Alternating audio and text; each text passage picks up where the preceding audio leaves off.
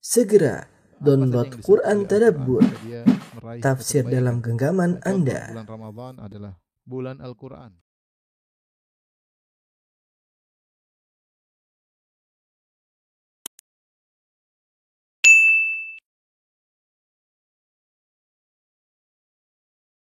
Bismillahirrahmanirrahim. Assalamualaikum warahmatullahi wabarakatuh.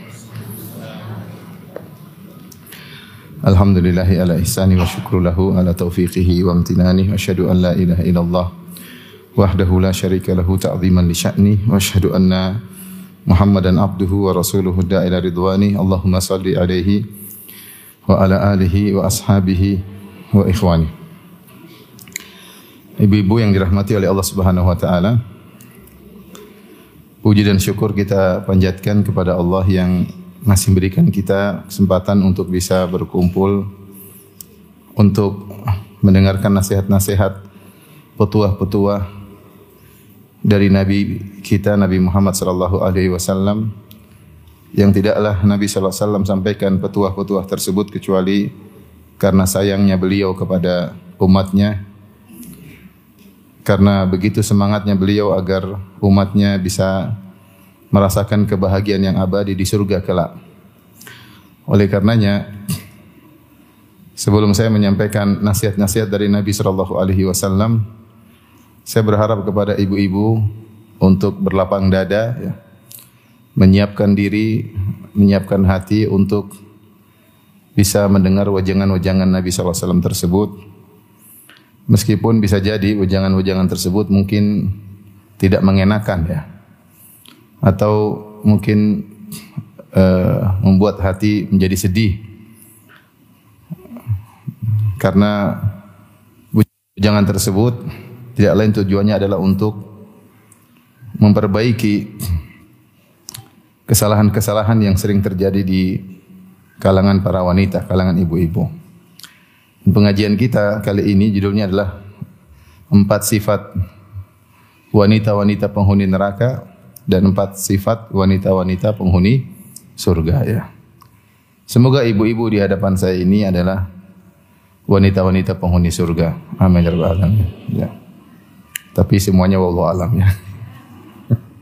Yang tahu hanyalah Allah Subhanahu wa taala. Tapi kita mulai dari empat sifat penghuni neraka atau empat sifat penghuni surga? Neraka dulu. Saya khawatir kalau disampaikan dulu nanti lupa. Ibu-ibu biasanya lupa ya. Yang terakhir biasanya diingat ya. Tapi nah apa karena permintaan ibu-ibu maka kita mulai dari empat sifat wanita penghuni neraka jahanam. Saya bacakan hadis yang diriwayatkan oleh sahabat Jabir bin Abdullah radhiyallahu taala anhu yang termaktub dalam Sahih Muslim dan juga Sahih Al Bukhari. Beliau berkata, "Syahidtu ma'a Rasulillah sallallahu alaihi wasallam as-salata yaumal Id." Fada fabada bis salati qabla al-khutbah bi ghairi adhanin wala iqamah. Thumma qama mutawakkian ala Bilal. Fa amara bi taqwallah wa hatha ala ta'atih. Aku menghadiri salat Id bersama Rasulullah sallallahu alaihi wasallam. Maka Nabi sallallahu alaihi wasallam memulai salat sebelum khutbah. Yang salat tersebut tanpa adzan dan tanpa iqamat.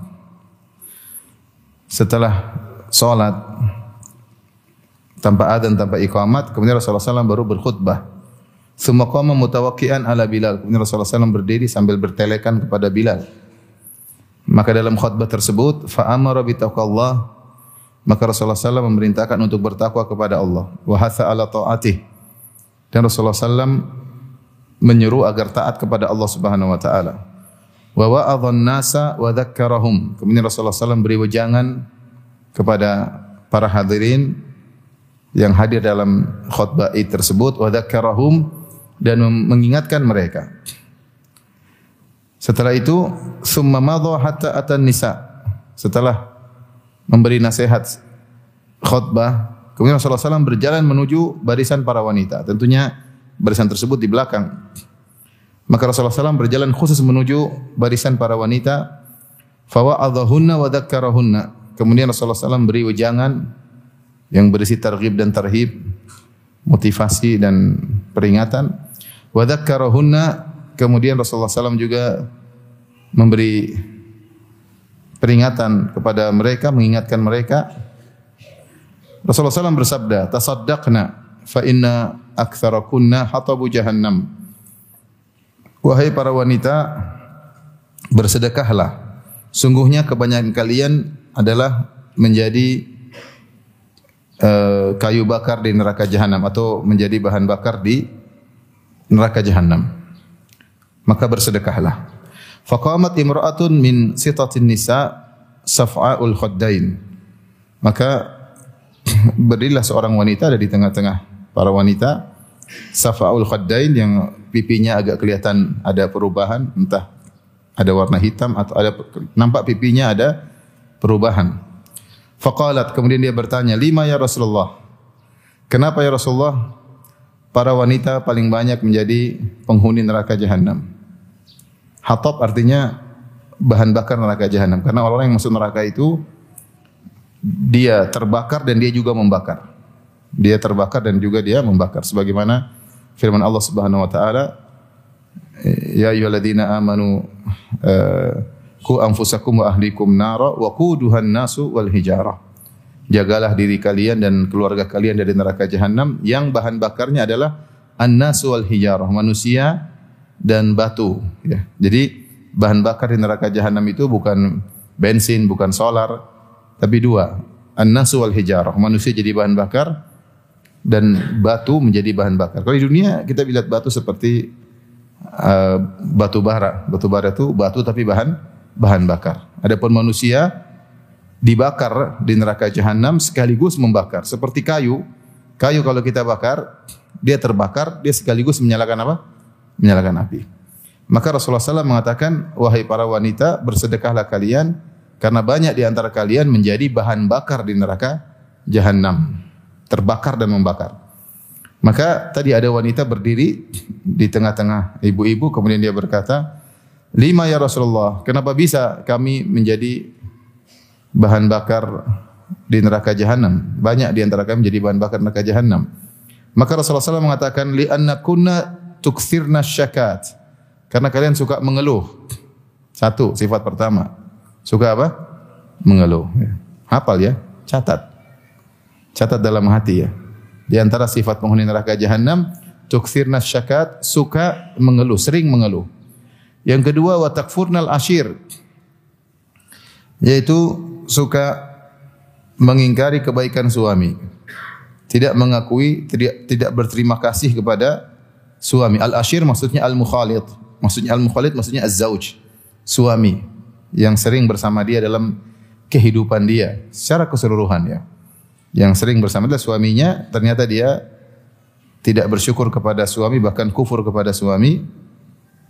Dua, dua sifat ini. Qala faja'alna yatasaddaqna min huliyihinna. Maka mendengar nasihat Nabi SAW, maka para ibu-ibu ketika itu mulailah mereka bersedekah tidak tanggung-tanggung, mereka bersedekah dengan perhiasan-perhiasan mereka.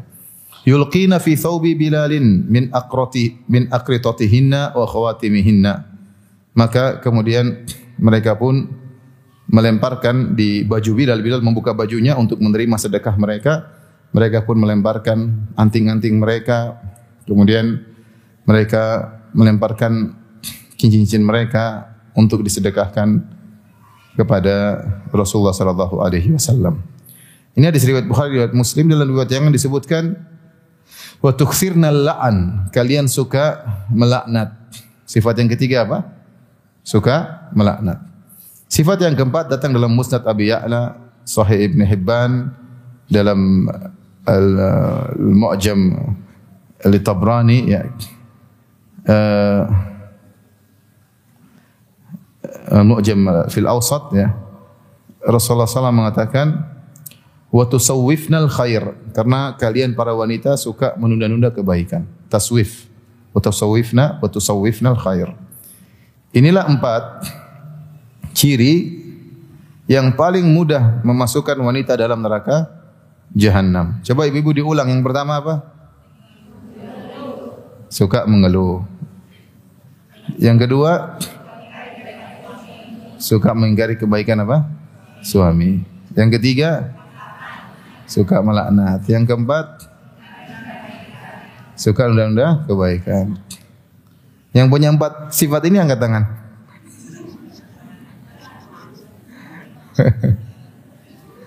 Yang jelas saya sudah menegakkan hujah di hadapan ibu-ibu ya. Enggak ada alasan di hari kiamat. Ya Allah, kami enggak pernah dengar. Ibu-ibu telah diberi kesempatan oleh Allah untuk mendengar sifat-sifat penghuni neraka, wanita penghuni neraka jahanam. Maka waspada. Baik, kita akan jelaskan sifat-sifat ini ibu Allah Subhanahu wa taala. Jadi kita tahu Nabi SAW berkhutbah di khutbatul Aid. Khutbah secara umum didengar oleh para lelaki dan para wanita untuk bertakwa, untuk taat kepada Allah. Saya itu saking sayangnya Nabi kepada ibu-ibu, Nabi Nabi, Nabi SAW mengkhususkan khutbah buat ibu-ibu. Maka Nabi pun maju wasallam menuju barisan ibu-ibu. Kemudian Nabi SAW memberikan khutbah secara khusus untuk mereka, nasihat khusus karena sayangnya Nabi SAW kepada mereka.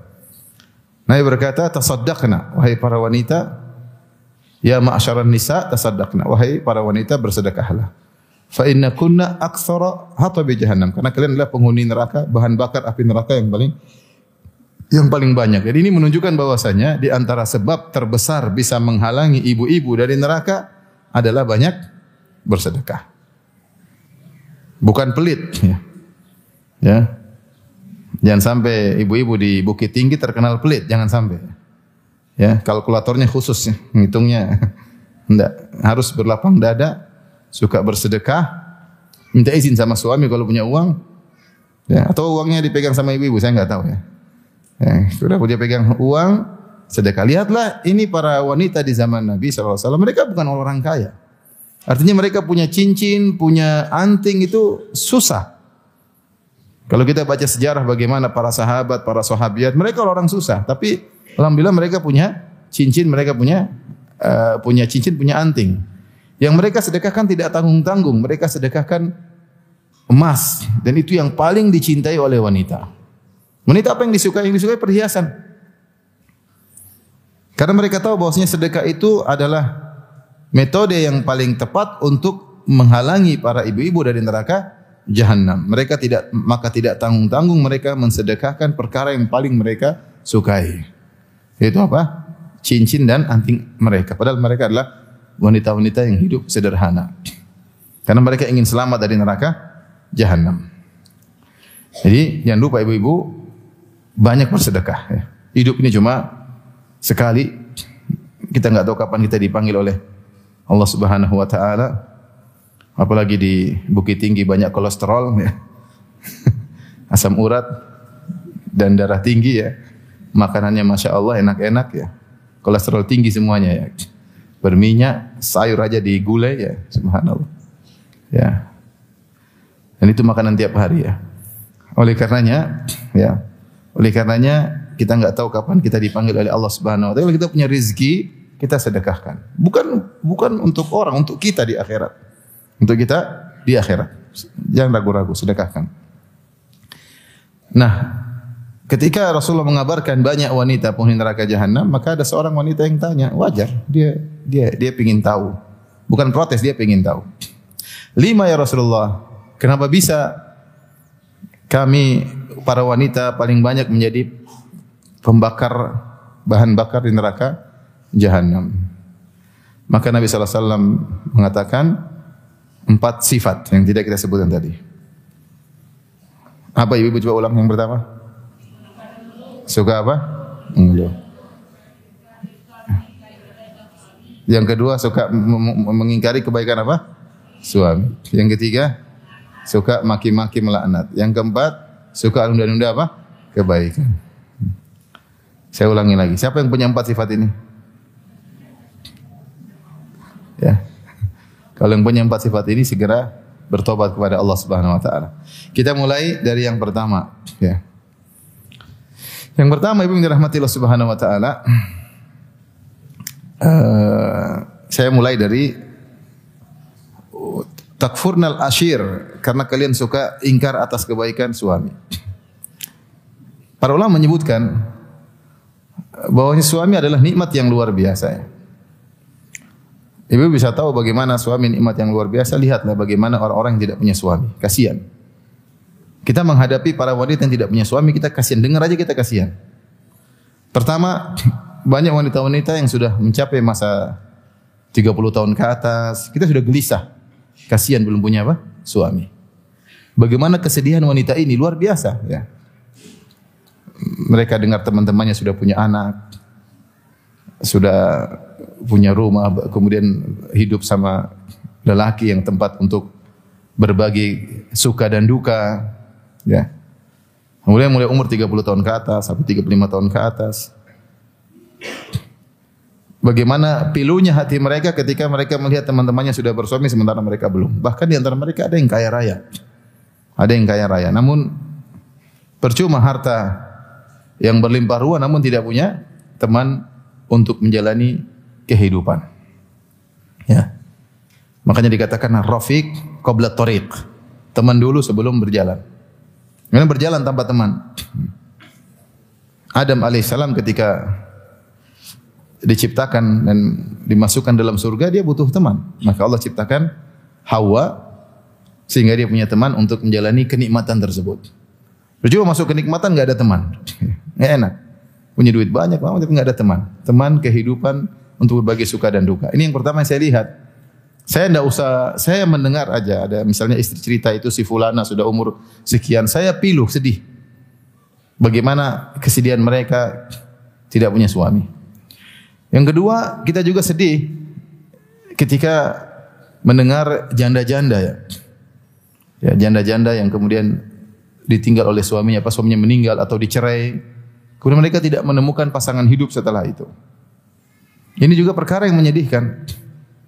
Mereka melihat teman-temannya punya pasangan, mereka ya, ada yang ngurus, ada yang ngayomi, ada tempat ngobrol. Sampai Nabi SAW mengatakan as-sa'i alal aitam wal armalah kal mujahid fi sabilillah. Siapa yang berusaha menolong anak yatim dan para janda, maka dia seperti orang berjihad di jalan Allah Subhanahu wa taala. Perhatikan si Nabi menggandengkan antara anak yatim dengan para janda. Karena kondisi mereka tidak menyenangkan anak yatim tidak ada yang ngurusin, tidak ada bapaknya ibunya yang ngurus kepalanya. Kalau dia disakiti orang dia mau lapor kepada siapa? Makanya banyak anak yatim yang saya, saya dapati nakal banyak. Dan itu wajar. Banyak nakal. Kenapa? Karena tidak ada yang perhatikan.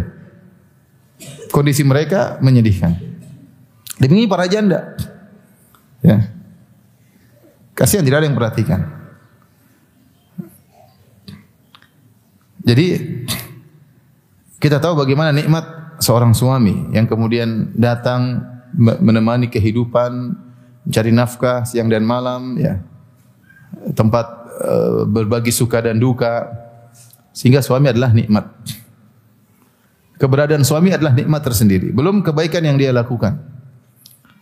Oleh karenanya Rasulullah sallallahu alaihi wasallam menjelaskan bahwasanya hak yang paling tinggi bagi yang harus ditunaikan oleh seorang wanita dari hak manusia adalah hak suami.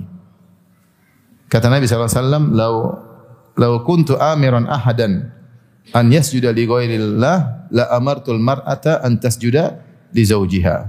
Kalau saya boleh menyuruh seseorang untuk sujud kepada selain Allah, maka saya akan memerintahkan wanita untuk sujud kepada suaminya.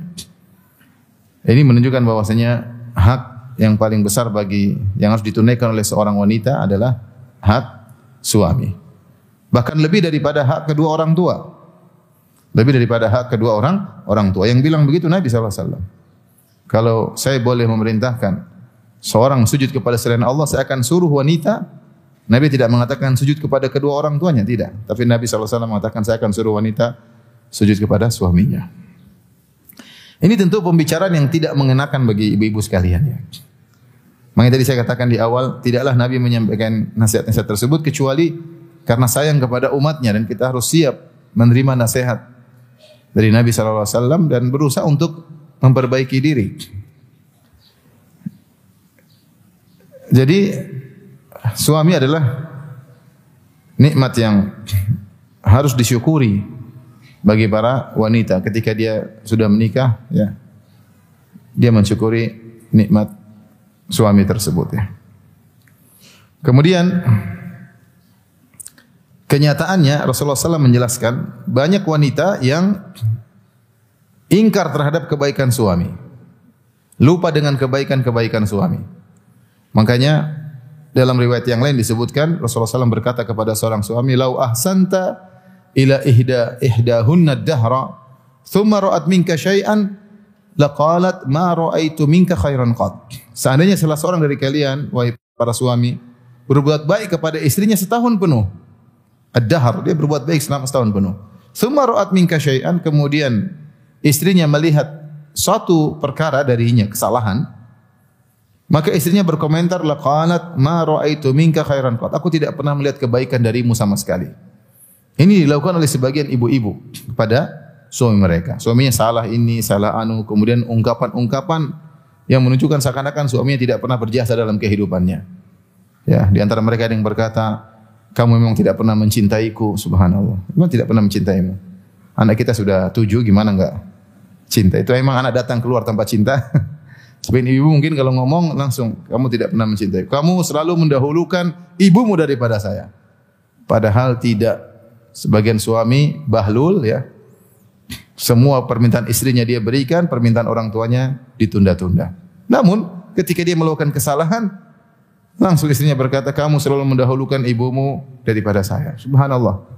Ungkapan-ungkapan yang menunjukkan penafian secara secara total. Ini ini Ungkapan-ungkapan seperti ini sangat mudah memasukkan seorang dalam neraka jahanam.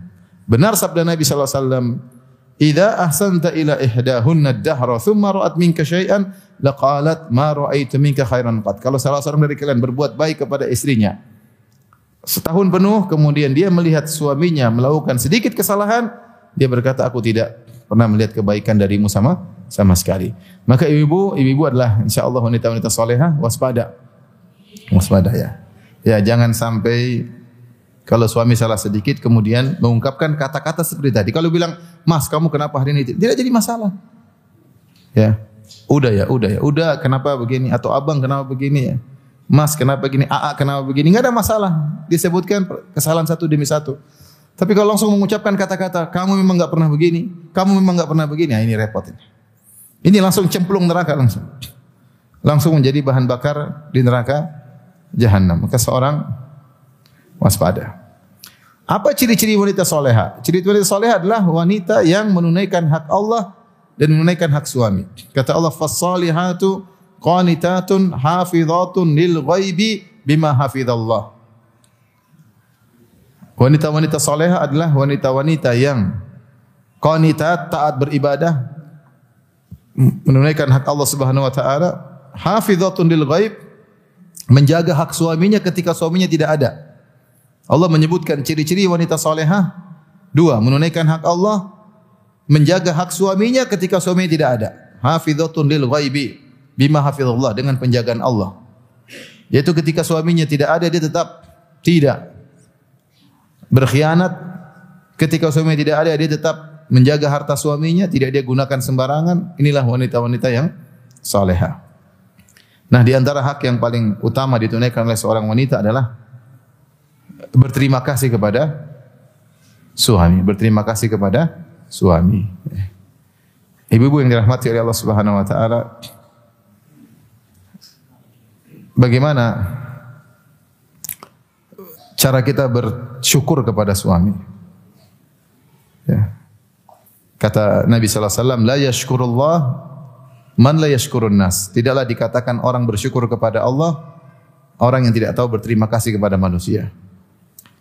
Latih lisan kita kalau suami kita berbuat baik kita bilang jazakallahu khair, jazakallahu jazakallahu khairan suamiku. Jadi, ucapkan, latih. Coba Ibu latihan sekarang. Jazakallahu khairan, udah coba. Jangan-jangan enggak pernah ngomong, ini ketahuan enggak pernah ngomong. Coba ulang bilang. Masya Allah. Hah? Dengar nggak? Nggak kedengaran ya?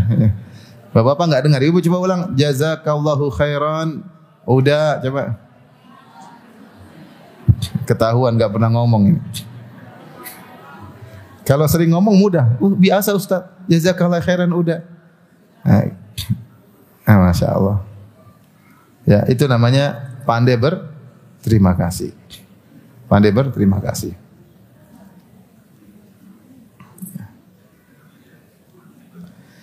Di antara bentuk berterima kasih kepada suami. Perhatikan ibu-ibu. Buatlah suami merasa dia adalah pemimpin keluarga. Allah mengatakan ar-rijalu qawwamuna 'alan nisa. Para lelaki adalah pemimpin keluarga. Pemimpin para wanita. Ibnu Abbas menafsirkan ayat ini ay umara. Mereka adalah amir-amir di rumah mereka. Artinya apa? Kalau suami berbicara didengar. Kalau suami memerintah ditaati.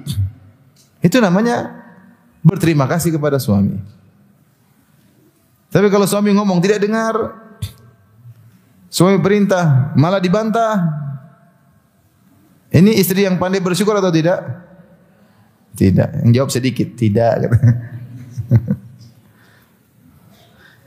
Ini tidak lain saya sampaikan ibu-ibu karena kita ingin ibu-ibu semuanya masuk apa? Surga ya. Semoga Allah masukkan ibu dalam surga Allah Subhanahu wa taala. Amin ya rabbal alamin. Memang berat. Jangan sampai terjerumus dalam sifat penghuni neraka jahanam. Jadilah wanita yang pandai bersyukur, bukan yang takfurnal ashir yang uh, kufur kepada suami. Makanya sebagian ulama menyebutkan kenapa Allah Nabi menggunakan lafal kufur karena wanita disebut dalam buku-buku syuruhul hadis. Karena wanita ketika tidak bersyukur kepada suaminya, dia benar-benar lalai dari hak Allah. Allah sudah kasih dia nikmat. Diberikan suami, yang mengurusi urusannya, yang bisa menjaga kemaluannya, yang bisa menundukkan pandangannya, yang bekerja siang malam untuknya, ya. Kemudian yang berikan anak-anak padanya, kemudian dia tidak berterima kasih, berarti dia tidak tahu diri, seakan-akan dia tidak tahu nikmat yang Allah berikan kepada dia. Karena itulah Nabi menggunakan lafal kufur. Dan ini menunjukkan tidaklah digunakan lafal kufur kecuali jika ada yang melanggar atau terjerumus dalam kekufuran tersebut, dia terjerumus dalam dosa besar. Ini yang pertama, Ibu dirahmati Allah Subhanahu wa taala. Uh, sifat penghuni wanita penghuni neraka jahanam tidak berterima kasih kepada suami. Jadi sering-sering latih ibu-ibu, udah jazakallahu khairan. Ya. Kalau suami ngomong, iya udah apa gitu, dengerin ya, dengerin. Jangan suami ngomong kemudian main HP. Lagi WhatsAppan sama teman, ya, tidak beradab kepada suami. Itu namanya tidak bersyukur. Tidak bersyukur. Yang kedua, sifat wanita penghuni neraka jahanam tuksirna syaka, suka mengeluh. Suka mengeluh. Dua penafsiran kalangan para ulama yang saya dapat di dalam buku syarah hadis tentang tuksir nasyakah kalian suka mengeluh. Pertama perlu dijelaskan, mengeluh sesekali tidak jadi masalah. Makanya Rasulullah SAW bukan mengatakan penghuni sifat penghuni neraka, sifat wanita penghuni neraka mengeluh enggak, tapi Rasulullah SAW mengatakan sering mengeluh. Kalau mengeluh sesekali wajar. Suami tidak sempurna, kondisi terkadang memang tidak pas, seorang mengeluh pada suaminya, "Mas, kita begini," biasa. Yang jadi masalah kalau sering.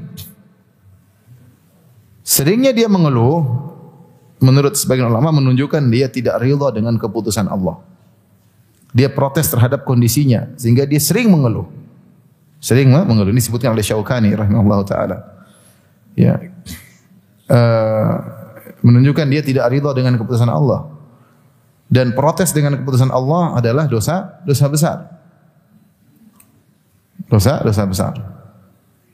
Makanya kenapa Rasulullah SAW mengatakan, "Laisa minna man darabal hududa wa syaqqal juyuba wa awal jahiliyah." Bukan dari golongan kami seorang tatkala terkena musibah, pukul-pukul pipinya, robek-robek bajunya dan menyuruh suruhan jadi karena perbuatan tersebut menunjukkan dia tidak ridha dengan takdir Allah Subhanahu wa taala.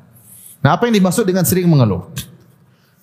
Pertama, maksudnya dia mengeluhkan suaminya kepada orang-orang. Ini tafsiran pertama.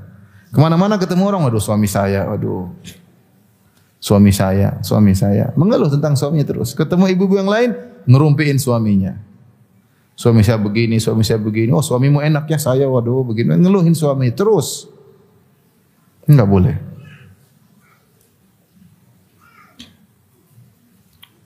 Bukan bukan jalur memperbaiki suami kalau suami punya kesalahan dengan mengeluhkan dia ke mana-mana. Ini membongkar aib suami. Padahal Allah Subhanahu Wa Taala mengatakan hunna libasul lakum wa antum libasul lahun. Sungguhnya kalian para wanita adalah pakaian bagi suami dan suami adalah pakaian bagi istri. Di antara fungsi pakaian adalah menutup aurat.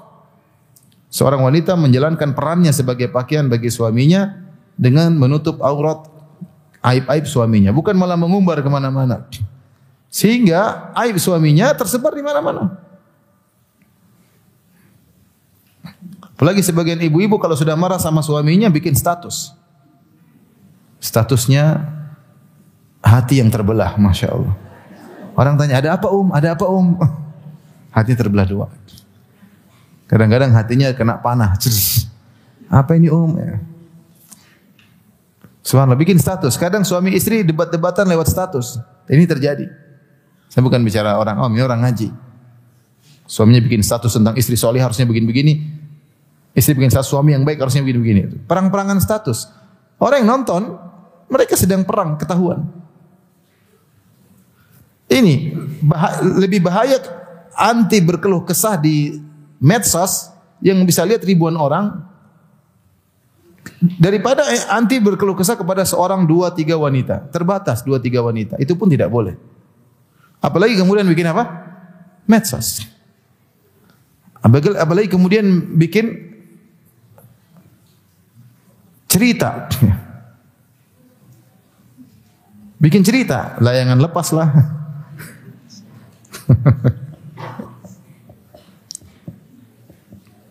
Macam-macam. Semua orang tahu. Ini namanya wanita suka berkeluh kesah. Saya kenal seseorang, dia menceritakan istrinya. Kenapa menceritakan? Saya bilang, kenapa menceritakan istri kamu? Dia bilang, oh, ribut sama saya. Dia bikin status di Facebook, subhanallah. Suami saya begini, begini, begini, begini. Orang semua baca, siapa yang kuat? Aibnya dibongkar. Jadi, buat tukfirna syaka, makna yang pertama adalah mengeluhkan suaminya kepada orang-orang, kepada ibu-ibu yang yang lain. Tidak boleh ibu-ibu. Kalau suami ibu punya kesalahan, nasihati ibu. Kalau enggak lewat jalur yang baik. Bilang ke ustadz ke, atau bilang ke mertua ke. Kita bukan sekedar melepaskan kedongkolan. Kita ini ingin melakukan perbaikan. Kalau tidak mampu, cerai, khulu. Pada kemudian mengumbar aib suami ke mana-mana. Ya. Sementara status masih suami. Ini ini yang pertama tafsiran pertama. Tafsiran kedua atau syakat suka mengeluh kepada suami. Mas ini kok begini, mas ini kok begini, mas ini ini mengeluh kepada suami ini uh, cabang dari dosa yang pertama ingkar kepada kebaikan apa? Suami. Maka ibu-ibu jangan suka mengeluh tentang kondisi. Kecuali suaminya mungkin malas apa nasihati baik-baik. Kalau suami sudah berusaha bekerja kemudian dikeluhkan terus ya. Ini kehidupan.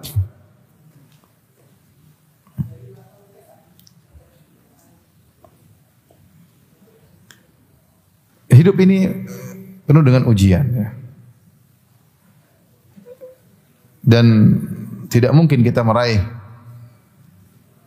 kenikmatan surga kecuali ada bagian dunia yang kita korbankan. Mungkin. Oleh karena bersabar. Dan sabar pahalanya sangat besar ya pahala sabar sangat sangat besar. Baca tentang bagaimana kisah-kisah sahabiat, kisah orang-orang terdahulu, sabarnya mereka terhadap kehidupan yang sulit. Lihatlah bagaimana Aisyah radhiyallahu taala anha. Ketika ada seorang wanita datang kepada Aisyah bawa dua putrinya kemudian minta makan, ketuk rumah Aisyah. Aisyah radhiyallahu anha buka pintu, dia cari makanan. Dia enggak mendapatkan di rumah kecuali satu butir korma. Maka dia pun mendahulukan. Tidak ada di rumah tidak ada apa-apa. Tidak ada mie, tidak ada ATM, tidak ada tidak ada apa-apa. Cuma satu butir korma. Kemudian kasih kepada wanita tersebut. Bayangkan Aisyah. Aisyah pernah berkata, "In kunna lanaral hilal, thumma hilal, thumma hilal, thalatha ahila fi syahrain wa ma uqida fi buyuti azwajin Nabi sallallahu alaihi wasallam nar." Kami lihat hilal muncul, hilal muncul, hilal muncul. Tiga hilal dalam dua bulan. Tidak ada di rumah istri-istri Nabi api yang dinyalakan.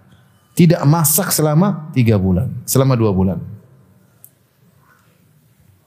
Bayangkan, kalau ibu sekarang hidup dalam kondisi demikian, dua bulan nggak pernah masak, kira-kira gimana? Ya kalau nggak pernah masak tapi selalu beli di restoran Padang nggak apa-apa ya. Ini benar-benar nggak ada, artinya makanan terbatas. Nggak ada bikin kopi, nggak ada bikin teh, nggak ada bikin, nggak ada yang dimasak. Rasulullah diberikan susu oleh sebagian sahabat. Tuh, berarti nggak nggak ada makan daging panggang nggak ada. Karena tidak ada api yang dinyalakan. Korma, ini makan korma, minum korma, minum. Makanya ditanya, "Wa ma ta'amukum ya umma?" Apa makanan kalian wahai ibunda? Kata Aisyah radhiyallahu anha, "Al-aswadan." Korma dan air putih selama dua bulan. Lihat bagaimana rumah Nabi SAW yang kecil. Sampai Aisyah bercerita kalau Nabi SAW mau sholat, ketika Rasulullah SAW mau sujud, maka Aisyah di depan Nabi menjulurkan kedua tangannya ketika Rasulullah SAW mau sujud, Rasulullah SAW sentuh kaki Aisyah agar dilipat supaya bisa sujud. Kenapa? Rumah kecil tidak ada space untuk apa? Sholat. Mungkin sudah kepotong tempat tidur. Intinya tidak ada tempat. Sehingga kalau mau sholat saja harus kaki Aisyah di, dilipat. Sampai ketika rumah Nabi, ketika sepeninggal Nabi SAW, puluhan tahun berikutnya, di zaman tabi'in, Sa'id ibn al-Musayyib, rahimahullahu taala ketika rumah Nabi akan dipugar dia mengatakan seandainya rumah Nabi wasallam dibiarkan begitu saja. Rendah. Kalau pegang tangan kesentuh apa namanya? Atapnya. Agar orang-orang yang datang setelahnya bisa melihat bagaimana dulu kehidupan Nabi mereka orang terbaik di alam semesta ini.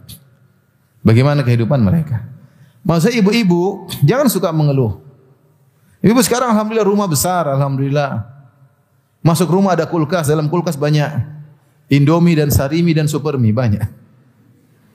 Ya. Eh, rumah luas alhamdulillah. ATM juga ada. ATM suami juga ibu yang pegang, terus apa lagi? Terus masih mengeluh. Alhamdulillah kenyang, ibu tidak kelaparan. Masih kenyang, alhamdulillah masih bisa makan. Masih bisa ngaji, masih bisa sholat, masih bisa baca Quran, alhamdulillah apalagi?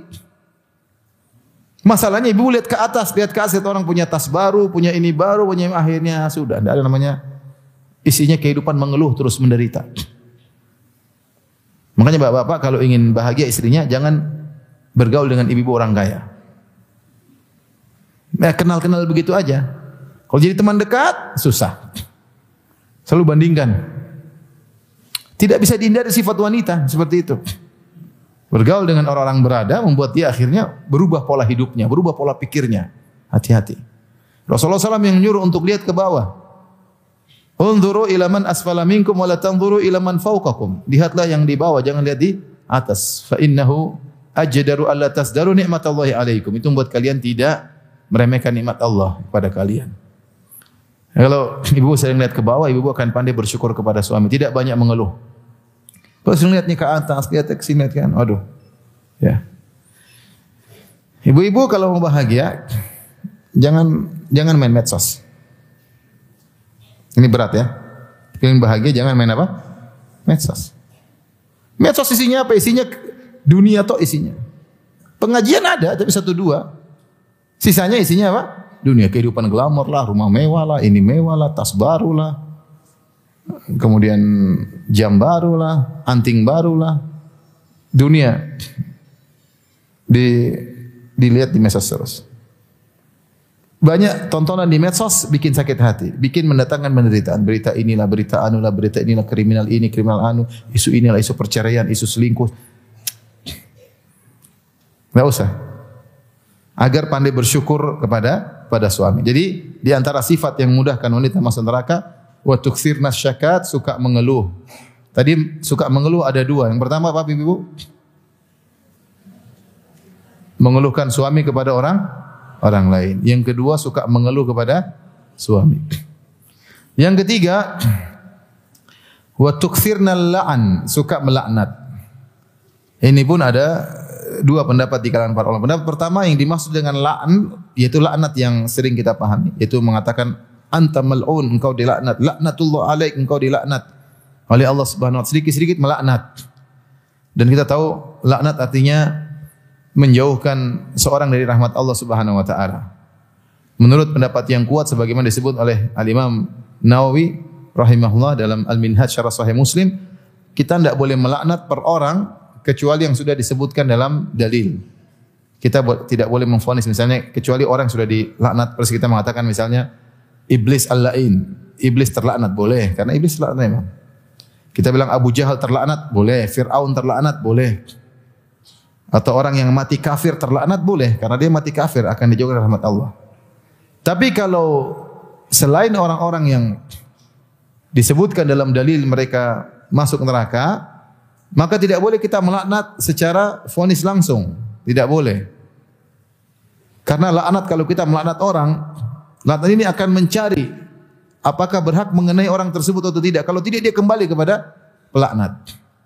Dan laknat itu maksudnya kalau kita bilang laknatullah alaik maksudnya semoga kau dijauhkan dari rahmat Allah Subhanahu wa taala. Yang boleh kita melaknat adalah secara umum. Melaknat dengan menyebutkan sifat. Misalnya kita mengatakan laknatullah alal kadhibin. Laknat Allah bagi orang-orang pendusta. Laknatullah alal zalimin. Laknat Allah bagi orang yang berbuat zalim. Laknat Allah bagi peminum khamar, laknat Allah bagi pemakan riba, enggak apa-apa. Tapi jangan bilang kamu makan riba, Allah melaknatmu, jangan. Ini ini enggak boleh. Buktinya apa? Buktinya ketika ada seorang sahabat yang minum khamar.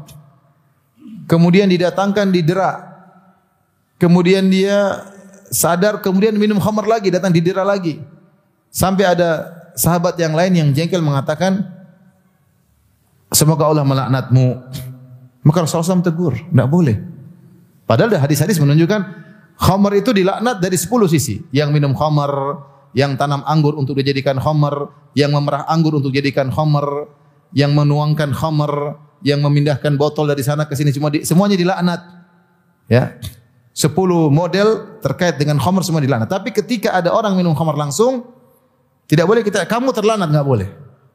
Karena bisa jadi ada penghalang dia untuk terlanat. Misalnya ternyata dia ada ibadah, ternyata dia ada sedekah, ternyata dia cinta kepada Allah dan Rasulnya. Maka Rasulullah tegur, jangan kau laknat dia. Sungguhnya dia mencintai Allah dan Rasulnya. Tapi kita boleh melaknat dengan umum. Kita mengatakan Allah melaknat para peminum khamar, boleh. Allah melaknat para penjual khamar, boleh. Allah melaknat para penuang khamar, boleh. Allah melaknat para pemakan riba, boleh. Dan banyak hadis-hadis yang menunjukkan laknat Allah kepada ini, laknat Allah kepada ini boleh. Tapi kalau si fulan, si fulan enggak boleh. Nah, sebagian wanita dan saya rasa di Indonesia tidak ya, di, jarang. Tapi kalau di luar di negeri Arab, sebagian orang mudah melaknat.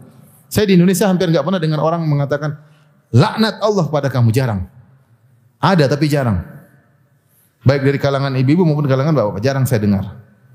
Kalau mereka marah mereka pasti maki-maki. Tapi kalau laknat perkataan laknat Allah kepadamu itu jarang. Ya. Dan waspada jangan suka melaknat. Ini tafsiran pertama, mereka masuk neraka karena karena suka melaknat. Tafsiran kedua diterangkan oleh sebagian ulama, maksudnya laknat di sini adalah perwakilan. Maksudnya mereka suka sibab dan syatam, suka maki-maki. Kalau udah ngomel maki-maki, itu dasar brengsek perempuan gini maki-maki panjang. Ini tidak boleh karena Rasulullah SAW mengatakan sibabul muslim fusukun wa qitaluhu kufrun. Mencaci maki seorang muslim yang lain adalah kefasikan dan membunuhnya adalah kekufuran.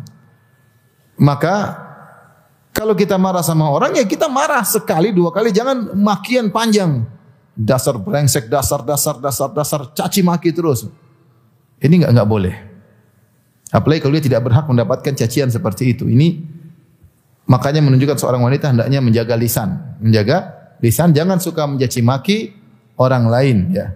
Kalaupun dia berhak untuk dicaci seperlunya, bukan kon perbanyak cacian, makian apalagi ternyata orang tersebut tidak berhak untuk dicaci maki seperti seperti itu. Mengumpat kalau bahasa kita. Suka apa? Mengumpat.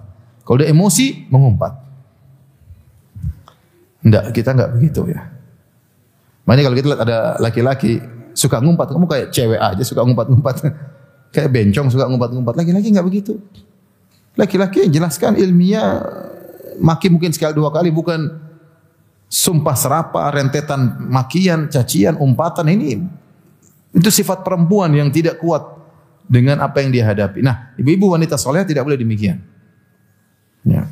Suka mencaci maki ini tafsiran kedua untuk firna la'an. Suka mencaci maki antara sebab untuk masuk neraka jahanam. Yang keempat, ibu-ibu yang dirahmati Allah Subhanahu wa taala kata Nabi sallallahu alaihi wasallam wa tusawwifnal khair. Kalian suka menunda-nunda kebaikan. Menunda kebaikan. Jadi ibu-ibu yang dirahmati Allah Subhanahu wa taala kalau punya niat baik jangan ditunda, tunda. Menunda niat baik ini akhirnya menjerumuskan orang banyak dalam keburukan, ya. Ya. Hatta idza ja'adahumul maut qala rabbirji'un. Allah menyebutkan beberapa penyesalan. Tatkala orang akan meninggal dia berkata, "Ya Allah kembalikan aku sebentar saja." La ali a'malu salihan tarak. Aku ingin beramal saleh yang dulu aku tinggalkan. Kita enggak tahu umur kita berapa. Maka kalau punya niat baik segera lakukan, jangan tunda-tunda. Jangan tunda-tunda. Ya, Allah menyebutkan dalam Al-Qur'an beberapa ayat yang menunjukkan orang menyesal ketika sudah datang sakratul maut, dia ingin dia ingin ngomong mungkin kita enggak dengar, tapi dia berkata, "Ya Allah, tundalah aku sebentar, aku ingin berbuat baik." Ya ayyuhalladzina amanu la tuhlikum amwalukum wala auladukum an dzikrillah. Wa may yaf'al dzalika ikaumul khasirun. Wa anfiqu mimma razaqnakum min qabli ayati ahadakumul maut fayaqula rabbi laula akhartani ila ajalin qaribin fa asaddaqa wa akum minas salihin.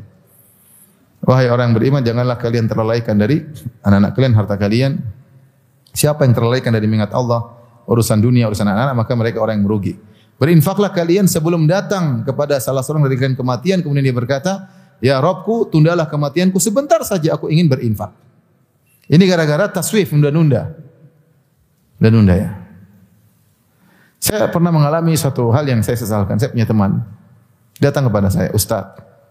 Ustaz kalau ingin, saya ada uang. ya Saya punya uang kok Ustaz, miliaran. Maksudnya saya mau bantu Ustaz. Saya bilang, saya lagi tidak butuh nanti deh ya. Saya saya memang lagi tidak ada proyek dakwah, tidak ada proyek apa apa maksudnya untuk urusan akhirat. Saya saya bilang aduh enggak lah saya ini. Subhanallah kemudian dia meninggal. Saya menyesal ketika kenapa waktu saya tidak ya sudah mari dia sudah niat, dia niat dia sudah berucap mudah-mudahan dia dapat pahala. Cuma saya tidak terima ketika itu kemudian dia meninggal meninggal dunia. Kita kalau sudah meninggal selesai. Jangan tunda-tunda kebaikan. Menunda kebaikan ini sebab kebinasaan. Menunda berbuat baik. Menunda kalau punya dosa tidak segera minta ampun kepada Allah Subhanahu wa taala. Ya. Nanti bertobatnya, nanti bertobatnya tahu-tahu meninggal dunia tidak sembah. Kalau punya utang puasa kayak utang apa kayak ditunda-tunda sampai akhirnya tidak bisa dikerjakan. Ya. Kalau punya masalah sama orang tunda-tunda minta maaf nanti aja nanti aja tunggu lebaran. Tahu-tahu meninggal sebelum apa? Lebaran.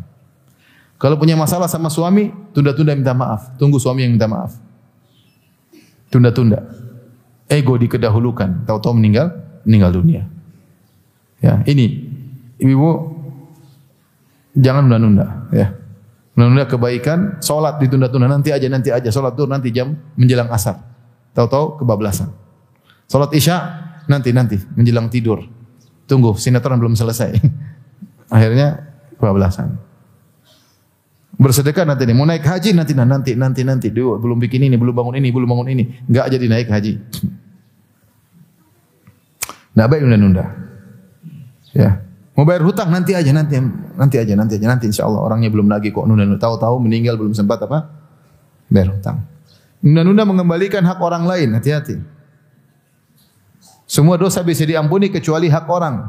Sampai orang yang mati syahid pun diampuni dosa-dosanya illa dain kecuali utangnya kepada orang lain. Kalau punya utang segera lunasi, jangan tunda, tunda-tunda. Ya. Saya sering sampaikan dalam pengajian-pengajian bahwasanya jika hati kita terbetik untuk melakukan kebaikan berarti kita sedang dapat hidayah. Jangan tolak hidayah tersebut, segera lakukan. Sederhananya, kita lagi diam-diam lagi masak di rumah misalnya ibu-ibu tahu-tahu dalam hati kok saya pingin sholat duha. Segera tinggalkan sholat duha. Berarti kita dikasih hidayah oleh apa? Allah. Jangan bilang nanti habis masak jam 11. Nanti nggak jadi. Lagi kita lagi di mobil tahu-tahu ada orang miskin lewat. Kasihan kita. Orang buta kayak orang apa kita. Terbetik hati kita. Jangan kita bilang nanti jadi orang buta berikutnya. kita lewat sudah. Kesempatan kita bersedekah hilang. Kapan sih tergerak? Lihat kita lagi main ke rumah saudara, tahu-tahu lihat ponakan, kok kasihan pingin kasih hadiah. Kasih, jangan tunda-tunda. Berarti kita lagi diberi hidayah oleh oleh Allah. Nanti Allah mudahkan banyak kebaikan. Tiba-tiba kalau lagi jualan laku, rumah rumah makan Padang lagi laris. Laporan bulanan, Masya Allah punya uang. Tiba-tiba hati pingin umroh. Daftar. Jangan nanti-nanti. Dunia datang dan pergi. kesempatan untuk beramal soleh tidak tidak selalu ada. Makanya kalau Allah kasih kita ada keinginan untuk melakukan kebaikan apa pun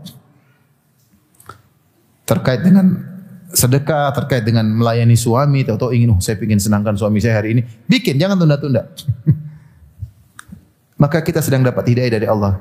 Tunda-tunda kita itu membuat kita celaka, membuat kita celaka. Inilah ibu yang dirahmati Allah Subhanahu wa taala, empat ciri wanita penghuni neraka jahanam. Ulang ibu yang pertama apa? Suka mengeluh. Yang kedua,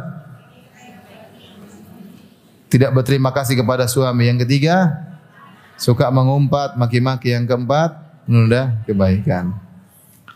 Taib selanjutnya empat ciri penghuni surga. Empat ciri ini tentunya sering ibu dengar. Dia adalah penguat dari sebelumnya ya. Kata Nabi wasallam dalam satu hadis, "Idza shallatil mar'atu khamsaha wa shamat syahraha wa hafizat farjaha atau hasanat farjaha wa ata'at ba'alaha qila laha udkhilal jannata min aybabil min min aybabin min abwabil jannati syi'ti jika seorang wanita salat lima waktu, ciri yang pertama. Yang kedua salat eh, puasa di bulan Ramadan, ciri kedua. Yang ketiga menjaga kemaluannya, ciri yang ketiga. Yang keempat taat kepada suaminya, maka dikatakan kepadanya masuklah engkau ke dalam surga dari pintu mana saja yang engkau kehendaki. Dalam hadis ini Rasulullah SAW menjelaskan bahwasanya masuk surga itu mudah. Ya. Di antaranya jika terpenuhi dalam seorang wanita empat ciri ini, maka dia masuk surga. Yang pertama sholat lima waktu. Nabi tidak mempersyaratkan sholat qobliyah, sholat ba'diyah, sholat malam, sholat duha, enggak. Yang penting kamu sholat lima waktu, kamu jaga sholat tersebut. Ibu-ibu ya. Jadi jangan sholat lima waktu dengan tentunya dengan baik, dengan khusyuk, dengan persiapan, mendengar adzan maka sholat. Ya. Meskipun tidak sholat malam, meskipun kadang-kadang kita kita sholat malam, kita mau bangunkan istri, kita nggak enak, istri capek, letih. Karena kondisi wanita tidak seperti laki-laki. Nabi SAW saja, kalau sholat malam, Aisyah bercerita. Rasulullah SAW sholat malam, ketika beliau mau witir, beliau beliau bangunkan Aisyah. Karena kekuatan wanita tidak seperti apa? Laki-laki. Rasulullah mau witir, Rasulullah SAW bangunkan Aisyah. Rasulullah SAW tidak bangunkan Aisyah sejak awal. Aisyah wanita banyak ada haidnya, ada capeknya, ada sakitnya, ada letihnya, ngurus suami, ngurus macam-macam. Ya kalau bisa sholat malam terbaik, tapi kalau enggak yang penting sholat lima waktu lakukan dengan dengan baik. Yang kedua puasa bulan Ramadan. Rasulullah SAW tidak mempersyaratkan harus puasa Arafah, harus puasa Senin Kemis, puasa Daud, puasa Muharram, enggak. Kalau bisa alhamdulillah itu yang terbaik. Tapi kalau enggak bukan syarat masuk surga harus melakukan itu semua. Yang penting puasa bulan apa? Ramadan. Perhatian, begitu ada yang berramadan, sambut puasa tersebut dengan baik. Kalau punya hutang segera dikodok. Ya, perhatian terhadap puasa Ramadan. Sifat yang ketiga, dua ini insya Allah ibu memiliki semua. Apa namanya? Salat lima waktu dan puasa bulan Ramadan. Tinggal tiga, ciri tiga, ciri keempat masuk surga. Ciri ketiga, hasinat farjaha, menjaga kemaluannya. Allah memuji seorang wanita dalam Al-Quran masuk surga, ya memiliki sifat utama menjaga kemaluannya, yaitu Maryam. Kata Allah Subhanahu wa taala, "Wa Maryam banatallati wa Maryam Imran allati ahsanat farjaha." Ya dan Maryam binti Imran yang telah menjaga kemaluannya. Bagaimana dia menjaga kemaluannya? Dia tidak membuka celah untuk digoda oleh lelaki mana pun. Makanya ketika Allah uji dia dengan datangnya Jibril, ya. Allah mengatakan, "Fa arsalna ilaiha ruhana fatamattsala laha basharan sawiyya." Maka kami utus kepada Maryam Jibril alaihissalam maka Jibril menjelma menjadi seorang yang sempurna, itu seorang laki yang tampan. Maryam sedang sibuk beribadah sendiri. Tiba-tiba lelaki tersebut datang menemui Maryam. Maryam langsung tidak kasih celah, dia mengatakan, "Inni a'udzu birrahmani minka in kunta taqi." Aku berlindung kepada Allah, jika kau bertakwa tinggal aku, tinggalkan aku. Dia tidak mengatakan, "Eh, dari mana, Pak? Ngobrol dulu, dulu, minum teh dulu." Enggak ada. Ini tidak boleh, kita lagi berdua enggak boleh, enggak ada. Benar-benar dia jaga kemaluannya. Nah, ibu-ibu kalau ini masuk surga, jaga kemaluan. Tundukkan pandangan. Jangan ngobrol sama suami, suami orang. Jangan ketawa ketiwi sama suami orang meskipun melewat, hanya lewat chattingan. Meskipun dalam komentar, jangan. Yang berhak mendapatkan rasa senyuman manis, cinta manis suami kita bukan suami orang. Yang berhak mendapatkan kata-kata indah suami kita, bukan suami orang orang lain. Sebagian wanita, masya Allah, kalau bicara sama suami orang senyum, tertawa, murah. Ya. Sama suami sendiri cemberut. Ya. Sama suami apa? Cemberut. Sampai saya sering cerita kalau apa namanya sebagian wanita, masya Allah, kalau beli bakso saja lembut lemah lembut. Mas, baksonya mas, mas kecapnya mas. Kalau mau nambah mas, nambah dong mas, lembut. Kalau sama suaminya, eh ambil dulu itu, ambil dulu itu, kecapnya itu. Itu. Bisa jadi suaminya berharap berangan-angan menjadi tukang bakso agar dilembuti oleh suami istrinya. Karena istrinya kalau sama tukang bakso lembut, sama dia enggak. Ini namanya tidak tidak sempurna dalam menjaga kemaluan. Menjaga kemaluan itu kita fokus. Makanya Allah memuji para wanita penghuni surga di antara ciri mereka adalah mereka tidak memandang kecuali suaminya. Ya. Qasiratu tarf kata Allah mereka fokus kepada suaminya. Ini sifat mereka qasiratu tarf, fokus kepada suaminya. Sifat bidadari yang lain, sifat pertama dalam surat Ar-Rahman Allah sebutkan beberapa sifat. Sifat bidadari pertama qasiratu tarf, lam yatamithunna insun qablahum walajan yaitu para wanita yang menundukkan pandangan mereka. Tidak melihat kecuali suaminya. Tidak pernah disentuh oleh laki lain tidak pernah disentuh oleh jin. Intinya fokus kepada suami. Dan demikian dia bisa sempurna menjaga kemaluannya. Yang kedua Allah Subhanahu wa taala menyebutkan tentang ciri-ciri bidadari. Kata Allah Subhanahu wa taala hurum maqsuratun fil khiyam para bidadari yang ter apa namanya terkurung di uh, apa namanya dalam kemah-kemah dipingit dalam kemah-kemah sehingga dia selalu sibuk di kemah menunggu kedatangan apa? Suaminya. Makanya sifat wanita soleha kata Allah wa qarna fi buyutikunna. Wanita yang suka menetap di rumah karena dia harus fokus menyiapkan untuk suaminya, untuk anak-anaknya, fokus menyambut kedatangan suaminya. Saya punya teman, istrinya tiga. Istrinya tiga ya. Teman saya, bukan saya ya. Dia bilang, Ustaz, saya bilang kamu suka lebih cinta yang mana? Semua saya cinta Ustaz. Semuanya baik, tapi ada satu yang paling saya sayangi Ustaz. Bukan karena kecantikannya, tapi perhatiannya. Kalau saya mau pulang dia telepon, ayah lagi di mana atau abi lagi di mana, abi, abi mau makan apa, dia telepon. Masa saya bilang saya mau makan ikan, dia siapin. Jadi dia tanya kapan datang, dia tahu jadwal dia datang kapan, dia tanya mau makan apa, dia siapin. Begitu saya datang Ustaz, dia buka kos kaki saya, dia buka apa, dia buka baju saya, Kemudian dia siapkan ikan, kemudian tulang-tulang ikan diambil sama dia, masya Allah. Ini yang buat saya apa namanya? Eh, Pak condong kepada dia. Ibu begitu dong kalau suami datang. Kalau perlu ibu, mas sudah sikat gigi belum? Ibu sikatin giginya kalau perlu. itu namanya. Fokus kepada suami. Wallati ahsanat farjaha. Wanita yang menjaga kemaluannya. Itu di antara kesempurnaan dia menjaga kemaluannya dia fokus kepada suaminya. Tidak membandingkan suaminya dengan suami orang lain. Siapa ini ibu zaman sekarang masuk di medsos ngobrol di di uh, komentar dengan suami lain suami orang lain ketawa ketiwi sama suami orang lain ya dia sama suaminya di tempat tidur Suaminya nungguin dia, dia lagi sibuk di grup grup reuni di situ laki-laki ada perempuan ketawa-ketawa sama teman SMA-nya dulu dengan teman kuliahnya dulu. Kalau ingin masuk surga, fokus kepada suami. Nah, ini berat ciri ketiga ya. Ketiga. Tapi mudah bagi orang yang dimudahkan oleh Allah Subhanahu wa taala. Saya katakan Ibu, medsos sumber kebencanaan bagi orang yang tidak tahu memanagenya buang-buang waktu, ibu buang-buang waktu, lihat barang-barang mewah, lihat aib-aib orang, lihat laki-laki situ wajahnya tanpa ada keraguan, lihat laki ini, lihat artis ini, lihat oh, sudah semuanya. Gitu pulang lihat suami, mukanya kok begini suamiku. Ini nggak pernah tundukkan pandangan sehingga tidak kebahagiaan dicabut oleh Allah Subhanahu wa taala. Yang terakhir, sifat keempat ciri penghuni surga adalah wa ata'at ba'laha taat kepada suaminya. Ini sudah kita singgung. Seorang wanita yang soleha harus membuat suaminya merasa suaminya adalah seorang raja di rumah. Suaminya merasa sebagai singa di rumah, bukan kucing di rumah ya. Ya. Saya punya teman satu, istrinya dua. Dia bilang Ustaz, aduh, Istri saya yang kedua ini Ustaz sama saya hormat ngomongnya ini. Yang pertama Ustaz saya kayak kucing Ustaz. yang pertama saya disikapi seperti apa? Kucing. Maksudnya apa saya juga nggak tahu ya. Maksudnya mungkin mungkin nggak tahu, mungkin nggak dihargai atau apa. Suami tidak merasa sebagai raja di rumah, tapi sebagai budak di rumah, budak istrinya. Ini apa seperti ini?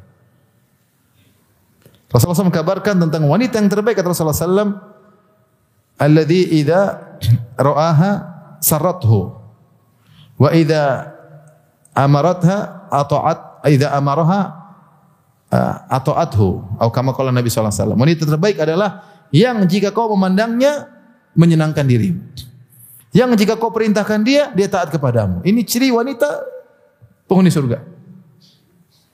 Kalau ibu di rumah, suami sering lihat, Masya Allah istriku, lihat. Nah, itu, insya Allah langsung masuk surga ibu-ibu ya. Suami sering lihat ibu-ibu. Mas ngapain sih ngeliat saya sih mas? Jadi ngeliat, dia senang lihat ibu. Senang lihat ibu-ibu. Kenapa? Karena ya mungkin dia merasa bahagia, maka dia pandang. Bukan kalau dia lihat istrinya langsung cemberut, langsung kecut hatinya, langsung. Kemarin sudah lihat istrinya pasti sebentar lagi ngomer. Pasti sebentar lagi apa? Ngomer.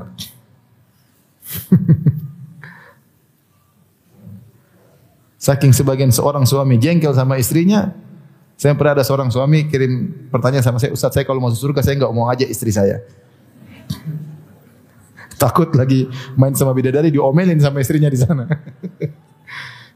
Kalau lihat lihat pandang istrinya dia senyum ini ciri penghuni surga. Kalau disuruh nurut. Apa perkataan Imam Ahmad rahimahullahu taala? Ya, aqamtu ma ummi salih isrina sana. Aku hidup bersama Ummu Saleh, istri yang keberapa dari Imam Ahmad. Selama 20 tahun kami tidak pernah ribut dalam satu permasalahan pun. Selama berapa tahun? 20 tahun. Dan artinya yang yang nurut. Ini ciri penghuni surga yang berat tetapi ibu-ibu berjuang. Ya bukan berarti sekali mungkin marah oke okay lah. Yang Allah hukum adalah yang yang biasanya seperti apa? Yang mendominasi wanita ini sering nurut atau sering membangkang? Kalau yang mendominasi selalu membangkang, taat kadang-kadang, ah, ini neraka jahanam. Kalau sering nurut kadang-kadang membangkang, ya insya Allah lah masih selamat. Yang menjadi yang yang menjadi hukum adalah yang fil ghalib, yang mendominasi apa? Latih diri kita untuk taat kepada suami karena Allah Subhanahu wa taala. Demikian ibu yang dirahmati Allah Subhanahu wa taala, kajian yang saya sampaikan. Semoga nasihat ini bisa didengar oleh ibu sekalian dan bisa dijalankan. Demikian juga para pemirsa yang uh, menyaksikan secara langsung ya. Semoga menjadi wanita wanita soleha. Hidup ini sebentar ya. Kita menghadapi perjalanan yang sulit untuk meraih kebahagiaan yang terindah di akhirat kelak. Ya, uh, jadilah wanita yang soleha dan kalau jadi soleha akan bahagia, akan bahagia. Ibu kalau nurut, uh, rajin sholat, menjaga kemaluan akan bahagia. Tidak mungkin ada orang beriman tidak bahagia. Jangan menyangka cari kebahagiaan dengan lihat medsos, dengan beli ini belum tentu bahagia. Bahagia itu adalah keimanan. Bahagia adalah keimanan taat pada perintah Allah itulah sumber kebahagiaan. Wallahu taala alam bisawab. Semoga Allah Subhanahu wa taala mengampuni dosa-dosa kita dan masukkannya ke dalam surga Allah Subhanahu wa taala dan mengampuni dosa-dosa kedua orang tua kita dan mengumpulkan kita bersama mereka di surganya kelak bersama suami dan anak-anak. Wabillahi taufiq hidayah. Assalamualaikum warahmatullahi wabarakatuh.